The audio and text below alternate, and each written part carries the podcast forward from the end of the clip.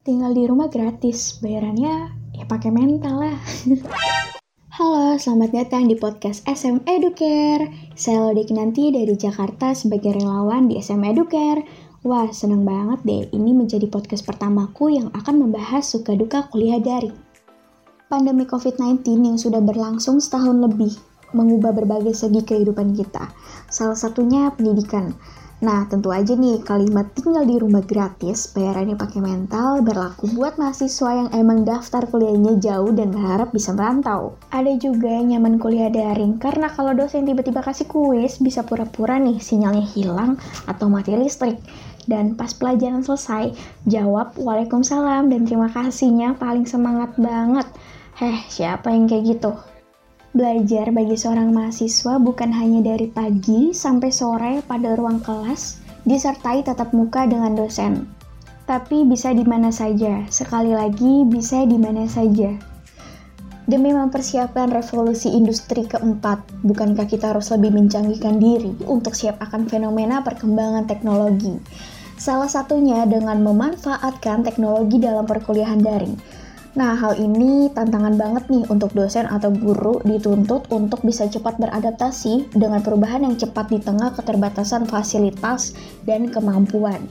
Yuk kita bahas apa saja suka duka belajar daring. Pertama, kuliah daring mengasah kemampuan belajar mandiri dan kelompok. Ada siswa yang lebih memilih individu saja daripada kelompok. Biasanya ia introvert disertai pemikiran kerja kelompok ribet, belum tentu mereka mengerjakan dengan sungguh-sungguh. Ads manfaat belajar kelompok banyak banget loh. Bisa saling berbagi informasi dan pengetahuan antar teman, meningkatkan kualitas kepribadian seperti adanya kerjasama, berpikir kritis, dan disiplin. Yang kedua, materi diberikan secara terbuka dan dapat diakses di mana saja dan kapan saja. Menyenangkan gak sih? Karena gak usah takut lagi kalau ketinggalan materi. Dan yang ketiga, sekarang akses pelayanan pembelajaran makin mudah, memungkinkan penggunanya yang berbeda platform dapat saling terhubung dan berkomunikasi. Tapi sedih banget ya, kuliah daring nggak bisa mengenal teman-teman lebih dekat. Bahkan ada yang nggak pernah on kamera saat pembelajaran berlangsung. Jadi sampai sekarang nggak tahu deh tuh wajah temannya kayak gimana kuliah daring wajib mengakses internet. Nah, hal itu kan sangat merugikan mahasiswa-mahasiswi yang dari pihak kampusnya nggak menyediakan kuota pendidikan. Apalagi aplikasi seperti Zoom, Google Meet, dan Google Classroom memakan kuota internet yang sangat banyak. Seringkali saya temui teman-teman mengeluh karena tidak memahami mata kuliah tertentu, akibat dosen tidak menjelaskan dengan baik.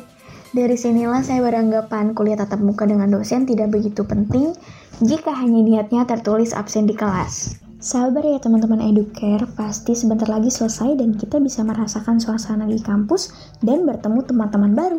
Keep healthy and stay safe. Semangat semuanya, peduli edukasi, peduli negeri.